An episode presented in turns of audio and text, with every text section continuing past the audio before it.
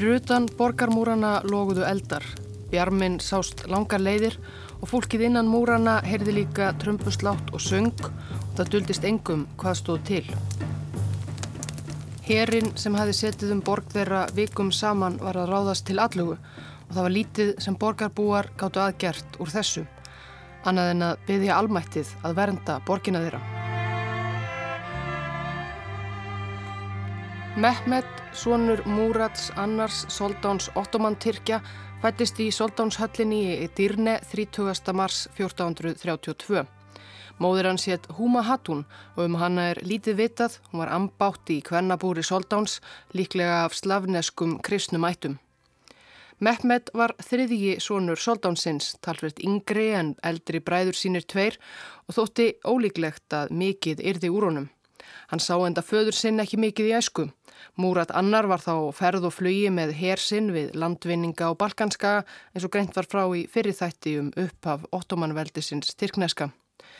Mehmet litli ólst upp fyrstu árin hjá móður sinni í Kvennabúrinu, síðan voru maðgininn sendt til Amasía við strönd Svartahafs þar sem Mehmet fimm ára var falinn staða héraðstjóra. Að veita kornungum prinsum slíkar stjórnunarstöður var síður ottomannsóldána, veita skuld stjórnuðu fullornir ráðgjafar í nafni ungu prinsana fyrstu árin en smátt og smátt áttu þeir að taka á sig fleiri skildur og læra listina að drotna. Mehmet hlaut engakenslu, hann am heimsbyggi, sögu og landafræði, íslamska, guðfræði og erlend tungumál. Sagan segir að Mehmet hafi náð valdi á mörgum tungumálum, auk tyrknesku að minnstakosti, grísku og slavnesku. Hlutverk engakennarana var þó ekki síst að Aga Mehmet sem var þrjóskur og þverdrengur sem hunsaði helst leksíunar nema þegar kennararnir drifu hann áfram með písk, bókstaflega. En svo gerðist það að elsti sonur Múrats annars dó tiltölulega ungur og árið 1443 dundi önnur ókjæfan yfir. Næst elsti og eftirlæti sonur soldánsins Aladin Ali, þá 18 ára, 7 árum eldri en Mehmet, var myrtur á samt tveimur kornabörnum sínum af sínum nánasta ráðgjafa sem lættist að honum í svefni. Hvers vegna hefur aldrei fengist á reynd. Morðingin var tekin af lífi án þess að hann listi frá skjóðunni en eitt var ljóst að Mehmet Littli stóð eftir sem krónprins, nokkuð sem aldrei hafði átt að verða. Og hann var heldur ekki krónprins lengi.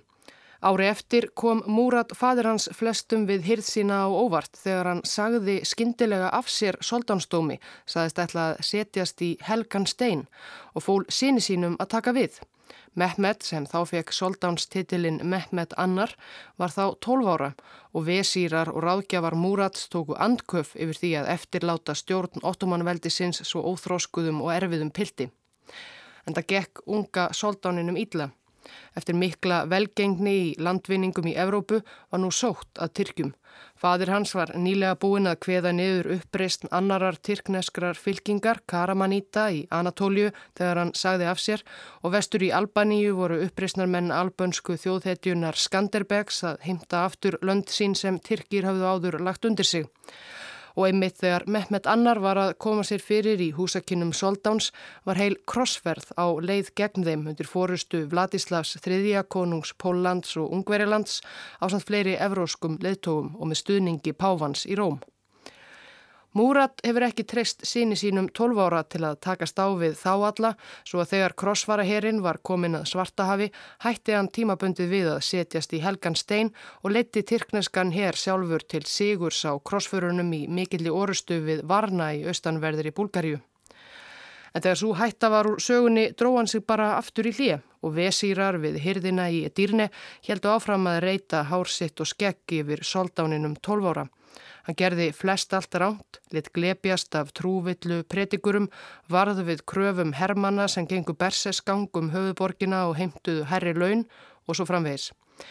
Að lókum varð örvænting vesýrana svo mikil að þeir grátt báðu múratgamla að snúa aftur og svifta svon sinn völdum. Það gerði hann haustið 1446 og satt svo til döðadags í februar 1451 við góðan orðstýr. Þá var röðin aftur komin að Mehmet sem var þá alveg að verða 19. En í setnaskiptið sitt sem Soldán skildi hann ekki verða eins misefnaður. Þegar Mehmet varð soldán átti hann einn bróður á lífi, Ahmed, sem ein af eiginkonum föður hans, Halima, hafði fætt honum 15 mánuðum fyrir andlátið. Dægin sem Mehmet var kríndur soldán í annað sinn, eftir aðtöfnina fór hann í heimsókn í Kvennabúr soldáns. Konurnar þar bæði fögnuðu honum og votuðu honum samúð sína eftir föðurmissin en á meðan Mehmet tók eigin konuna Halimu tali, tók einn af mönnum hans Ahmed Littla 15 mánada og kirtan. Það var ekkit nýtt að Tyrkja Soldán leti ráða bræður sína af dögum en hinga til höfðu þeir flestir verið fullvaksta, en það er kannski aldrei of varlega farið. Tveimur árum áður en Tyrkir fengu sinn nýja soldán Mehmet Annan höfðu þeirra fornu fjendur í Östurrómverska ríkinu eða Bísans líka eignast nýjan keisara.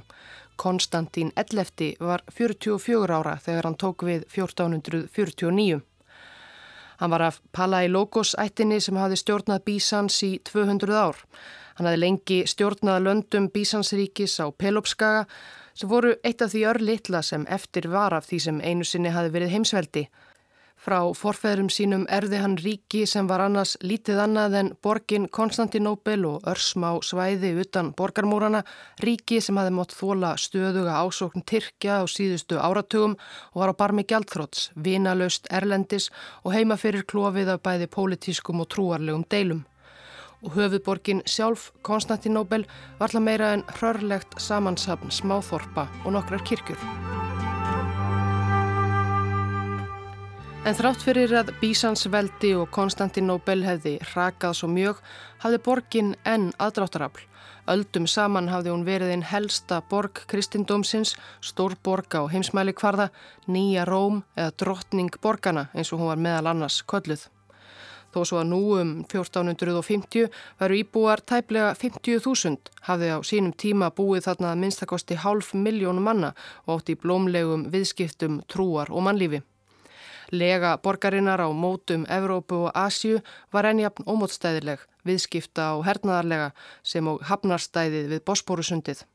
Og kannski var aðdráttarafl borgarinnar svo stert einnig vegna þess að hún hafði eiginlega aldrei verið sigruð. Borgin hafði frá því á 50 öld verið umlukin, hnausþykkum, háum, tvöföldum borgarmúrum, ótrúleg mannvirki fyrir sinn tíma sem hafði hrundið ótal innrásarherjum í gegnum aldeirnar frá Aröpum til Rúsa. Múratnir bröðust ekki og það gaf borginni góðsagnakenda ímynd sem helst sama hvað borginni innan múrana hnignaði. Í augum margra muslima var þetta höfuð víi kristindómsins í Austurlöndum sem muslimum hafði ekki tekist að knésetja þrátt fyrir ítrekkaðar tilraunir og ýmsir spádómar og ummæli eru eignuð spámaninum Múhameð um að muslimar myndu á endanum leggja undir sig Konstantinóbel. Mehmet Annar var með hugan við Konstantinóbel frá unga aldri. Hans helsta fyrirmynd í sögunni var Alexander Mikli, hann lasum hann stöðugt og vildi einnig verða þektur fyrir mikla landvinninga og helst vildi hann sigra Konstantinóbel.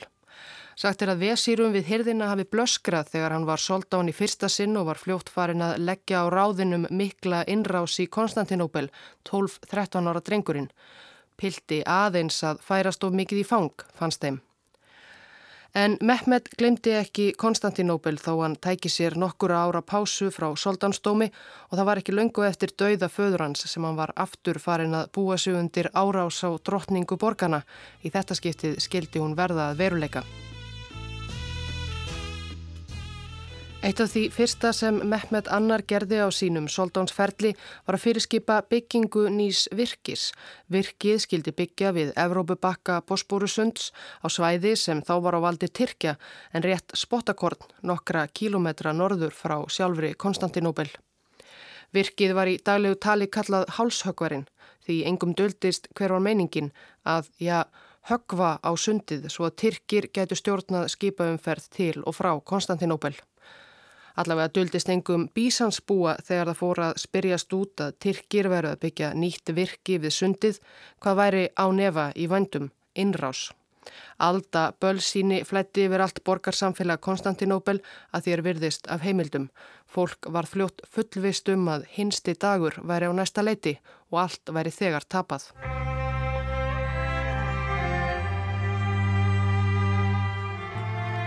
Stjórnandi borgarinnar, Konstantín Ellefti Bísanskeisari, áttaði sig líka á því hvað Mehmet Tyrkjasoldán hafði í huga.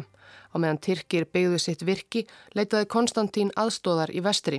Hann þurfti á hjálpað halda, hið örsmáa og fámenna ríki hans geti varla hrundið tyrkneskri árás eitt síns liðs. En bænir hans hljómuðu fyrir döfu meirum. Djúpur klopningur hafði orðið millir austur og vestur kirkjunar tæpum 400 árum áður og nú neituðu kathólsk ríki vestanverðarar Evrópu að hjálpunum nema hann fjallist á sameiningu kirkjunar að nýju. Svo mjög ótaðist Konstantín Tyrknesku ógnina að hann fjallst á slíka sameiningu en sjálfur var hann ekki mikill kirkjunar maður og vannmatt trúarhita eða ofstæki kirkjunar heimaferir og sinna eigin þegna. Konstantinópil búar sjálfur þvertóku fyrir að gera nokkrar breytingar á sinni trúariðkun til að sameinast vittlisingunum í vestri, sama hvað keisarin sjálfur sagði og þar með var það einlega útrætt. Ekki varða af sameiningu kirkudeldana og ekki útlitt fyrir að frá páfanum í Róm eða öðrum katholskum ríkjum bærist nokkur aðstóð. Virkið mikla, hálshöggvarinn, var tilbúið í ágúst 1452. Það reys á undraverðum fjórum mánuðum búið þykkum steinveggjum og fjöldanum öllum af fallbissum. Fallbissur voru þá uppfinning sem tiltölulega nýlega var komin til Evrópu en það enkendi ottomannsóldána þeir voru ætið snöggir að tilenga sér nýjustu tækni í hernaði. Fallbissur, sér í lagi einn fallbissa, átti og eftir að leika stort hlutverk í hernaðinum sem var í vændum við Konstantinóbel. En á meðan Tyrkir byggðu varð Konstantín Bísanskeisari æg örvendingarfyllri. Erindrekar hans hlupu um Evrópu þvera og endilanga í liðsbón og hann bauð gull og græna skóa og það litla land sem Bísans átti utan borgarinnar hverjum þeim sem myndi aðstóða hann en fekk litlar undirtektir. Ríki sem ekki voru drifin áfram af trúarkrettum eins og ítölsku borgaríkin Fenegar og Genua sem voru áhrifamikil á þessum slóðum áttu viðskiptahagsmuna að gæta og vildu síður styggja hinn uppluga Tyrkjasoldán til að bjarga einhverji deyjandi erlendri borg. Sagan segir að í byrjun september 1452, skomu eftir að framkvæmdum á hálsökvara virkinu lauk, hafi Mehmet Tyrkjasoldán riðið þar um á hesti sínum og virt fyrir sér þykka múra Konstantinopel í fjarska og þegar vetur gekk í garð hugsaði hann um lítið annað en yfirvofandi árás á borgina. Hann kynnti sér það nýjasta í hernaðartækni í Evrópu, rindi í rítum herrkænsku og umsáturstækni, stúderaði sögu borgarinnar og fyrri tilraunir til að sigra hana, bar áform sín undir stjörnu og dullspeikinga, teiknaði upp borgarmúrana aftur og aftur, svaf valla á nóttunni svo heldteikin var hann af tilhugsuninni um að loksins sigra hinn að miklu borg. Réttir að taka fram að Mehmet var þarna um tvítugur að aldri. Þessi vetur 1452 til 53 var harður við Bósbórusundið. Veðrið var óstöðugt og undarlegt, ímist úrhellisrykning eða háfaða rók, kavald spiljir þegar kólnaði, þrumur og eldingar og tíðir smájarðskjáltar ofan á allt sem örvæntingafullir borgarbúar í Konstantinóbel tólkuðu sem guðlegt tákn um yfirvofandi hörmungar. Andrumsloftið í borginni ef borg skildi kalla varð sífælt verra. Margir borgarbúar voru gripnir ofsatrú, voru sífælt í kirkju eða við bænir og hötuðust meira og meira út í Konstantín keisara fyrir tilraunir hans til að sameina kirkjurnar. Keisarin var spottaður sem trúvillingur á ferðum sínum um borgina. Hann gafst þó ekki upp og let sapna bæði vopnum og matvælum ef eða þegar til umsátur styrkja kæmi og reyðst í að gera við og styrkja borgarmúrana sem voru ornir ansi gamlir þó alltaf stæðuðir fyrir sínu. Þegar steina vantaði, grjótnámur bísans voru nú allar lendar á tyrknesku yfiráðasvæði, lit hann fylla í göti múrunum með gömlum leggsteinum. En liðsbónir Konstantíns reyndust heldur ekki alveg áranguslausar. Örvending bísansmanna spurðist út og í janúar 1453 byrtust í höfninni í Konstantinóbel við mikinn fögnuð borgarbúa tvö stór seglskip frá ítalska borgríkinu Genua. Um borð voru 700 menn í fullum herrklæðum undir stjórn reynds genuísks herfóringja Giovanni Giustiniani sem var komin að eigin frumkvæði með menn sína, kristnum bræðrum til aðstóðar. Svo reyndur var Giustiniani í borgarhernaði með að við ómerkilegt herlið bísansmanna að Konstantín setti hann umsvegulegst yfir allar varnir borgarinnar. Engu tíman kannski snemma árs 1452 eða eitthvað fyrr, svo við bökkum aðeins aftur í tíman, kom til Konstantinóbel handversmaður nokkur líklega frá Ungverilandi þó það sé fátt sem við vitum um kauða annað en að hann hétt Orban og var fallbissusmiður. Þá var alvanalegt að vopnasmiðir ferðuðust millir ríkja og byðu þjónustu sína herjum og höfðingjum. Konstantín Bísanskeisari vissi að það stemdi í átök við Tyrki og vildi Olmur kaupa bissur af Orban en ungvergin verlaði sig hátt og Konstantín var sem fyrir blankur. Svo að eftir áranguslausar samningaviðræður ákvað Orban að leita annað. Hann yfirgaf Konstantinóbel og hjælt á fund Mehmets Tyrkjasaldáns í Edirne. Hann átti nóg af peningum og hann var einmitt með verkefni fyrir Orban. Hvort hann gæti ekki smíðað fyrir hann fallbissu sem gæti sprengt í gegnum sjálfa hinn að ósigrandi borgarmóra Konstantinóbel. Orban var jú nýkominn þaðan. Hann vissi hvað þurfti til og hann hófst handa við að smíða það sem varð stærsta fallbissa sögunar. Liðsöfnun Mehmets hófst í byrjun ás 1453. Til viðbótar við sinn fasta herr kallaðan til hersveitir frá tyrkneskum lendum á Balkanska og þjálfaði óbreytta bændur og verkamenn í vopnaburði. Þeir eruðu fallbissufóðrið, fremstir í flokki en allir vissu hvað til stóð að ráðast á sjálfa drottningu borgarna Konstantinóbel og það þurfti ekki miklar fortölur til að fá fólk með ef markam á samtíma frásagnir.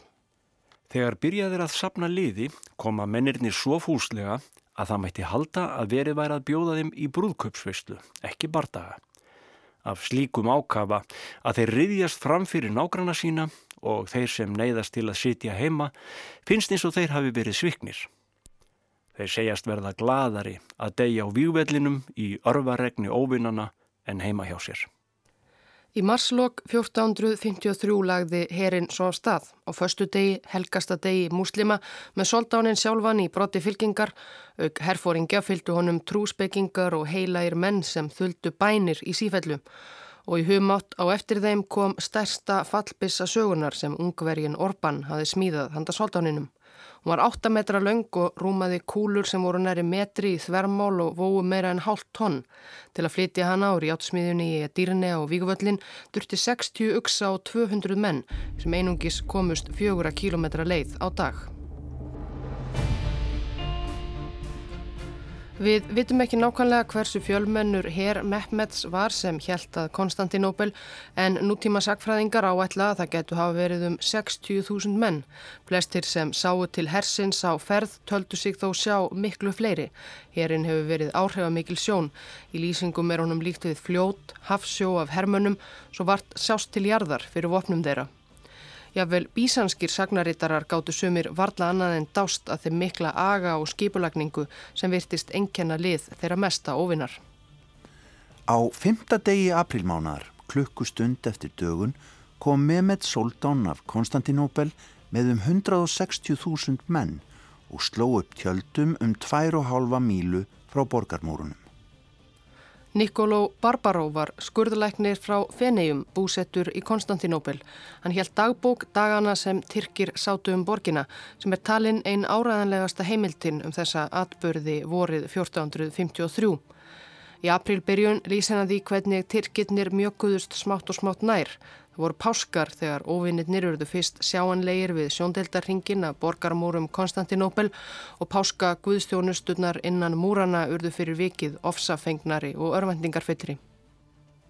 Á sjötta degi þessa mánadar færiði Tyrkjasoldán sig með helming manna sinna minna en mílu frá borgarmórunum. Á sjönda degi flutti hann fjölda manna sinna minna en fjórðung mílu frá múrunum og þeir röðuðu sér með fram öllum múrnum sex mílur frá kreska hliðinu að Siníkú hliði. Nú, þegar Tyrkir voru komnir með mikinn herr til höfðusborginni, var byrjað að gera ráðstafanir svo að ráðabrögg hinn að heiðnu óvinna kristindómsins myndu ekki rætast. Það ríkir ekki eins mikil óvissam það hversu mörgum mönnum Konstantín keisari hafði yfir að ráða til varnar borgsinni. Um það byrð þegar Tyrkirnir fjölmörgu voru að slá upp tjöldum sínum rétt við borgarmúrana fólan ráðgjafa sínum að gera manntal. Ráðgjafin kom aftur all nöggin ekki svo lengu síðar. Vopnbærir Karlmenn innan vekkja Konstantinóbel voru nákvæmlega 4773 gríkir og um 200 útlendingar. Hann taldi ekki með hinn að 700 genúa menn hins frækna Giovannis Giustiniani en það var sama, útlitið var ekki beint gott. Konstantín hrildi við og lagði áherslu á að það mætti alls ekki fréttast til að draga ekki úr borgarbúum kjarkin hversu fáment varnarlið Konstantinóbel var í raun. Á sjötta degi aprilmánaðar fór hinn háæruverðu í keisari úr höllu sinni og stóð á múrnum við hliðið sem kallað er kressu. Þetta hlið er veikara en önnur hlið að landi og með hinnum háæruverðu að keisara voru barónar hans og rittarar til að veita honum stuðning. Engað síður hafði hinn háæruverðu í keisari miklar evasendir gagvart hinnum svikula Tyrkja, óvinnunum sem dag eftir dag beigð eftir orustunni. Við getum reyndað ímynd okkur hljóðmyndina við Konstantinóbel þessa vordaga 1453 sem Tyrkir sátu um borgina. Tjálbúðir Tyrkja voru svo nálagt borgarmúrunum að borgarbúar heyrðu framandi kliðin af samræðum hermana, snarkið í eldum þeirra, bænaköllin fimm sinnum á dag, svo ekki sem minnst á músikantana, trómuleikarana og lúðrasveitinnar. Oftumann Tyrkir letu í sér heyra þegar þeir heldu til hernaðar, voru raunar frumkvöðlar í hertónlist. Hafi Tyrkirnir lagt við hlustir heyrðu þeir eflaust helst kluknahljóm óma frá drottningu borgarna og bænasöng Því kirkjur Konstantinóbel voru í nótkunn dag sem nótt, jafnan tróðfullara fólki við stöðugar bænagjörðir því einn almenni borgarbúi gæt nú lítið annað gert en að byggjast fyrir og fáir orðið sem gáttu komið Konstantinóbel til bjargar nema Guð almáttugur.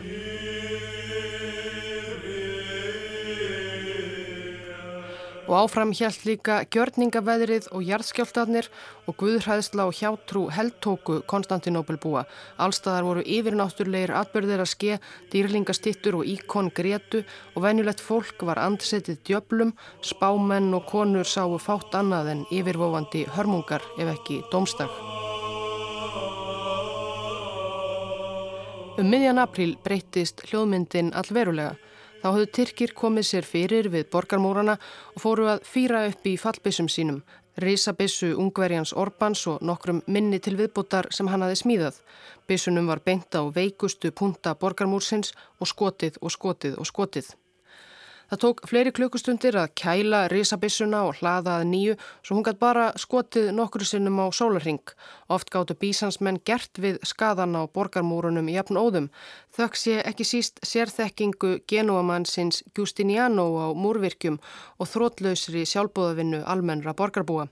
Karlar, konur, börn og gamalmenni hjálpuðu stað við að bera steina og við og stoppa í göti í vegnum dag og nótt undir stöðugum fallbissudrunum og kluknarhljómi.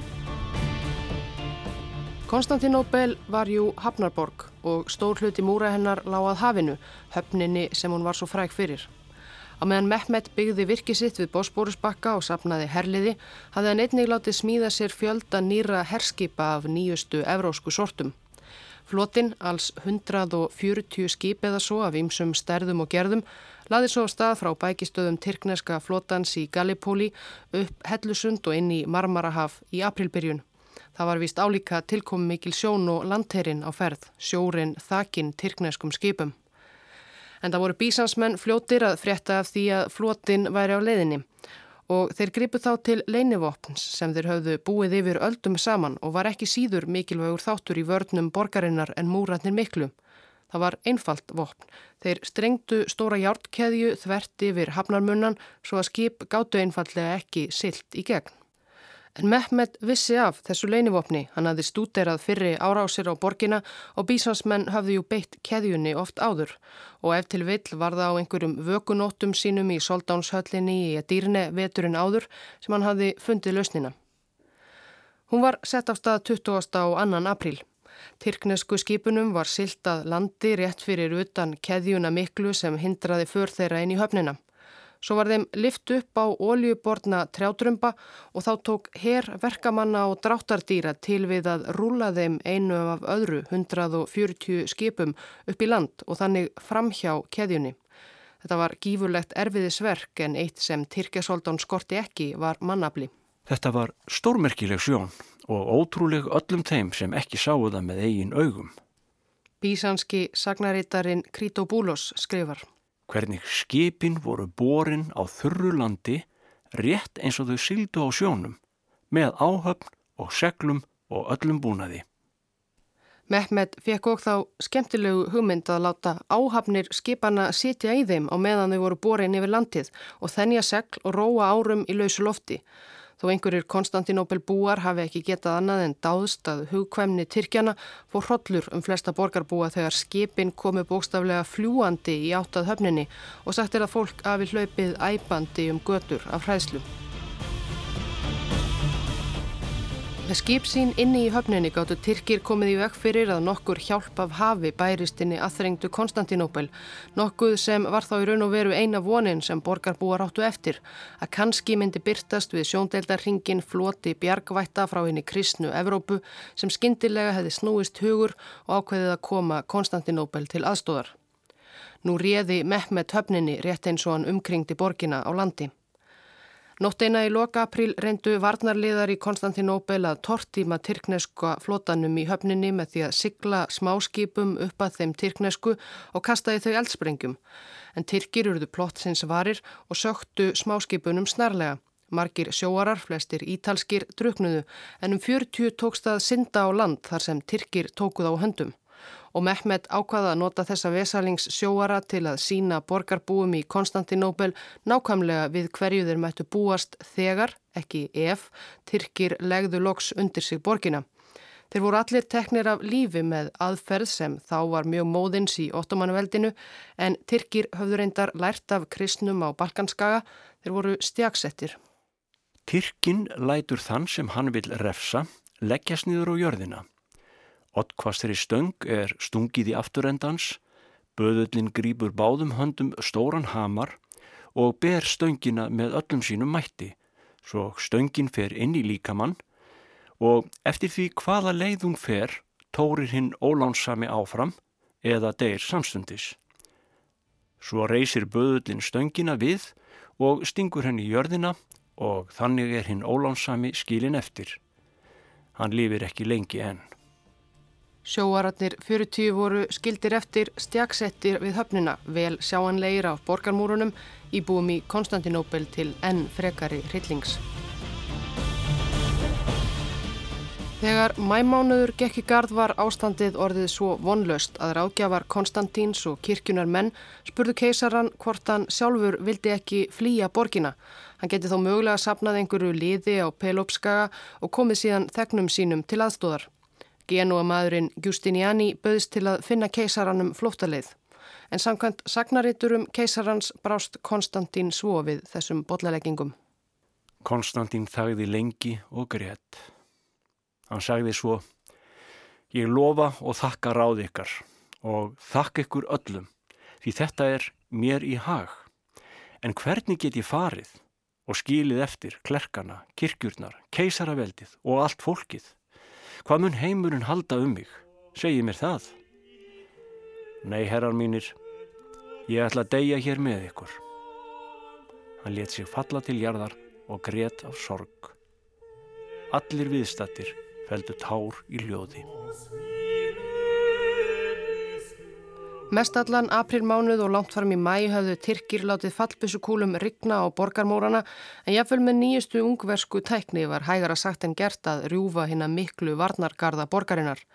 Einning hafðu verið gerðar tilraunir með að grafa göng undir múrana en varnarsveitum bísansmanna yfirleitt tekist að grafa sig á móti gangnamönnunum og koma þeim fyrir kattarnef.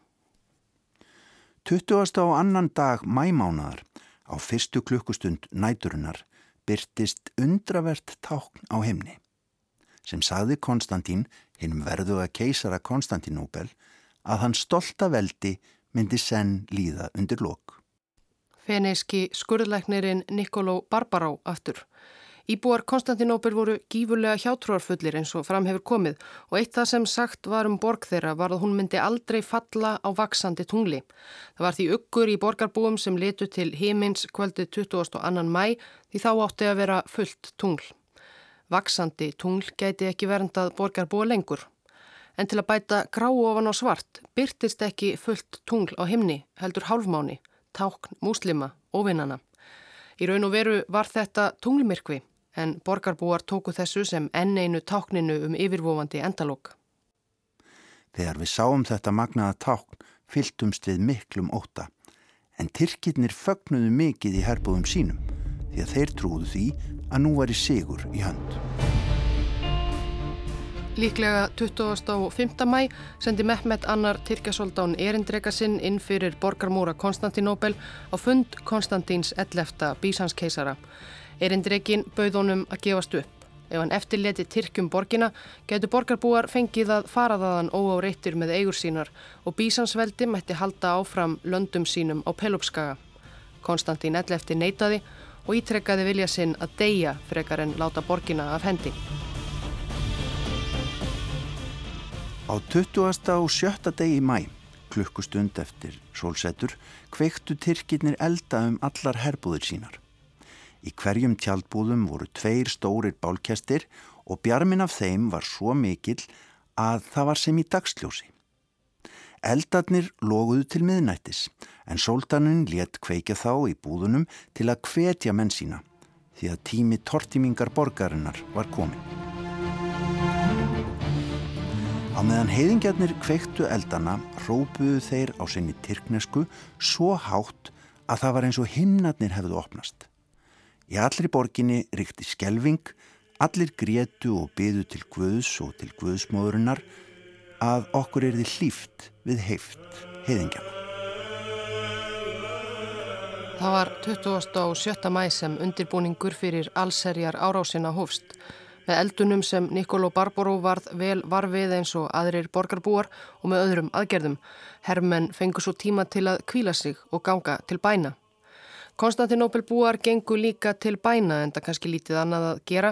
Í aðal kirkjuborgarinnar, henni miklu ægisif, leittu Konstantín keisari og leittóar kirkjunar þunglindislega guðsjónustu sem kannski hafi frekar á sér yfirbræð jarðarfarar. Eftir að henni laukurðu sumir eftir í kirkjunni til að halda bænagjörðum áfram. Aðrir borgarbúar leituðu skjóls hvar þeir gátu og fóru í felur. Meðan snarkaði í eldunum fekk fallbissan mikla líka að sanna sig og skaut og skaut á borgarmúrana eins hratt og mögulegt var og svo að bísansmenn höfðu ekki lengur undan að gera við skemmtinnar. Múratnir voru að hrinja. Eldarnir loguðu fram á miðja nótt með hryllilegum öskrum sem heyrðust alltaf ströndum Anatólju í tólf mílna fjarlæð og við, kristnir menn, fyltumst óta. Þetta gekk á í heilan dag en næsta dag gerðu þeir ekkert nema varpa sprengjum á vesalamúrana svo að þeir skemmtust ítla. Skömmu eftir miðnetti 29. mæ 1453 eftir næri tveggja mánada umsátur hófslóks allserjar árás ottomanska hersins. Tyrkirnir flættu að borgarmúrunum þar sem þeir voru viðkvæmastir í verstu ásíkomulagi með sverð og spjót og boga á lofti og stiga til að klöngrast upp og yfir múrana. Bændadurgarnir sem hafðu verið spenntari fyrir bardaga en brúðköpsveislu fóru fremstir í flokki og fjallu í hrönnum fyrir örfum og eldsprengjum bísanskra varðliða á múrunum en það hafði það alltaf verið meiningin að forna þeim fyrir hérna þjálfuðu og harðskeittu hermenn Tyrkjasoldans sem fylgdu í kjölfarið. Mitt í þvögunni reið Mehmet Soldán á kvítum gæðingi sínum fram og tilbaka og kvatti menn sína til dáða. Rátt fyrir allt vörðust þeir fáu vopnbæru bísansmenn sem eftir voru hetjulega. Uppi á Istamúrnum barðist genúa maðurinn Giovanni Justiniani með mönnum sínum, næstum sá eini sem hafi komið borgarbúum til aðstóðar á raun og stund og svo sem hafi stýrt vörnum borgarinnar undanfarnar vikurnar. En þegar ekki var langt liðið frá árás Tyrkja særðist hann. Heimildum ber ekki saman hvernig eða hvar en hann virðist að lippast niður og bað menn sína að koma sér í skjól. Við þá sjón, genúíska hetjan, máttlaus og blæðandi var eins og síðasti mátturinn færi úr varnarsveitum borgarbúa. Genúamennir, óumdeilanlega færustu hermenn í liði Konstantinóbel, mistu móðin, heimtuðu að fá að fylgja særðum leðtóa sínum afturinn í borgina inn fyrir istu borgarmúrana. Tyrkir notuðu tækifærið og streymdu fram, klifu laskaða borgarmúrana og í gegnum hliðið sem opnað hafi verið fyrir Justiniani í þúsundatali. Eftir næri tveggja mánada umsáturs ástand og eftir að hafa staðið af sér margar aldir af árásum og umsátrum þá tapaðist Konstantinóbel á nokkrum kaotískum augnablikum örfáum klukkustundum eftir að loka árás Tyrkja hófst. Þegar ljóst var að varnir borgarinnar væri ropnar, hörfuðu margir varnarliðar, hlöpu heim til að gæta eigin kvenna sinna og barna, einhverjir köstuðu sér fram á borgarmúrnum frekar en að lenda í höndum hinn að grimmu Tyrkja. Engu staðar í þessari ringulreið var Konstantín Ellefti, 48 ára og Bísans keisari til fjögura ára sem kastaði sér út í bardagan með sínum síðustu mönnum.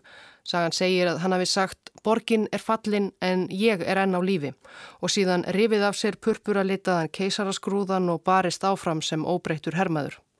Og fallið svo sem óbreyttur hermaður en nákvæmlega hver urðu örlög síðasta keisara austur rómverska ríkisins veit engin því lík hans fannst aldrei. Eins og hann hafi ítrekkað líst yfir vilja til að gera dóan með þegnum sínum. Það var farið að byrta almennilega af degi þegar Mehmet Soldán reyðin um galopin hlið borgarmúra Konstantinóbel á sínum kvíta gæðingi og fór með trúarjáttningu muslima til að undirstryka Sigur Sinn og Sigur Íslams á borginni. Hann fekk titilinn hinn Sigursæli. Hann var 21 ás gamall og landvinningum hans var hverginæri lokið. Mehmet hafði kvart menn sína áfram með vísunum í Íslamstrú, orð Múhameðs bámanns um Konstantinóbel og heilagt stríð og eflaust hefur það drifið einhverja áfram en margir af hans dugmestu hermönum voru varla miklir múslimar, heldur kristnir slavar sem mörgum hafi verið gert að taka íslamska trú allavega að nafninu til til að þjóna í herr Soldáns. Mikinn baróttuvilja manna Mehmets mátti ekki síst rekja til þess að þeir vissu allir að um leið og Konstantinóbel væri unnin myndu þeir fá nokkra daga til að spæna um borgina og ræna og ruppla í eigin þáu. Það voru óskrifuð regla hernaðar á þessum tíma og margir voru með glíu í augunum yfir þeim dýrmætum sem hliti að vera að finna innan múra hinnar miklu borgar. Þetta var það sem fór í hönd eftir að varnir borgarinnar hrundu og Konstantín keisari fjall. Tyrkneskir dátar fóru hús úr húsi, rændu og ruppluðu öllu því sem hönd var á festandi, réðust á óbreyta saklausa borgarbúa og nauðguðu og myrtu, reyndar var ungt fólk og álitlegt margt nefti þrældum og síðar selta á þrælamörkuðum Östurlanda. Þeir hlupu um brjálaðir eins og hundar, inn í leitað gulli, skartgripum og öðrum fjársjóðum. Þeir leituðu upp í klaustrinn og nunnurnar voru leitar út og svívirtar af Tyrkjunum og svo seldar sem þrælar. Og ungar konur voru svívirtar og seldar. Þó sumar hafi kosið að kasta sér í brunna og drukna frekar en að lenda í Tyrkja höndum. Við vitum ekki hvað mannfallið var mikið, hvorki meðal borgarbúan í árásarhernum, en líklega var það ansi mikið ef markam á dagbúk feneiska skurleiknisins. Blóð flætti um borgina eins og regn vatn í ræsi eftir óveður. Og líkum Tyrkja og kristina manna var kastað í hellusundið þar sem þau flutu til hafs eins og melónur í skurði. Eftir þrjá daga af óbeldis svalli róaði soldánum enn sína niður, þá var svo sem lítið eftir til að ræna og fáir eftir að nöðka og borgin svo gott sem rústi reynar fyrir utan helstu kirkjur sem soldán aði látið hlýfa. Þeir eru allra glæsilegustu að ég sif þar sem Konstantín keisari og leðtúar kirkjunar hafðu beðið síðustu bænirnar fyrir borgsinni að breytti Mosku. Þegar fréttinnar bárust sirðu mennum gerfalla hinn að kristnu Evrópu örlög Konstantinóbel þó lítið hefðu þeir gert til að koma borginni til aðstóðar. Tónskáld sömdu sorgarsálma og skáld harmkvæði. Hið þúsund ára gamla bísansveldi leiðundir lok og austurkirkjan stóð stórlöskuð eftir. Sem ný höfuborg hins ört vaksandi Tyrkjaveldis átti Konstantinóbel hins vegar eftir að blómstra að nýju.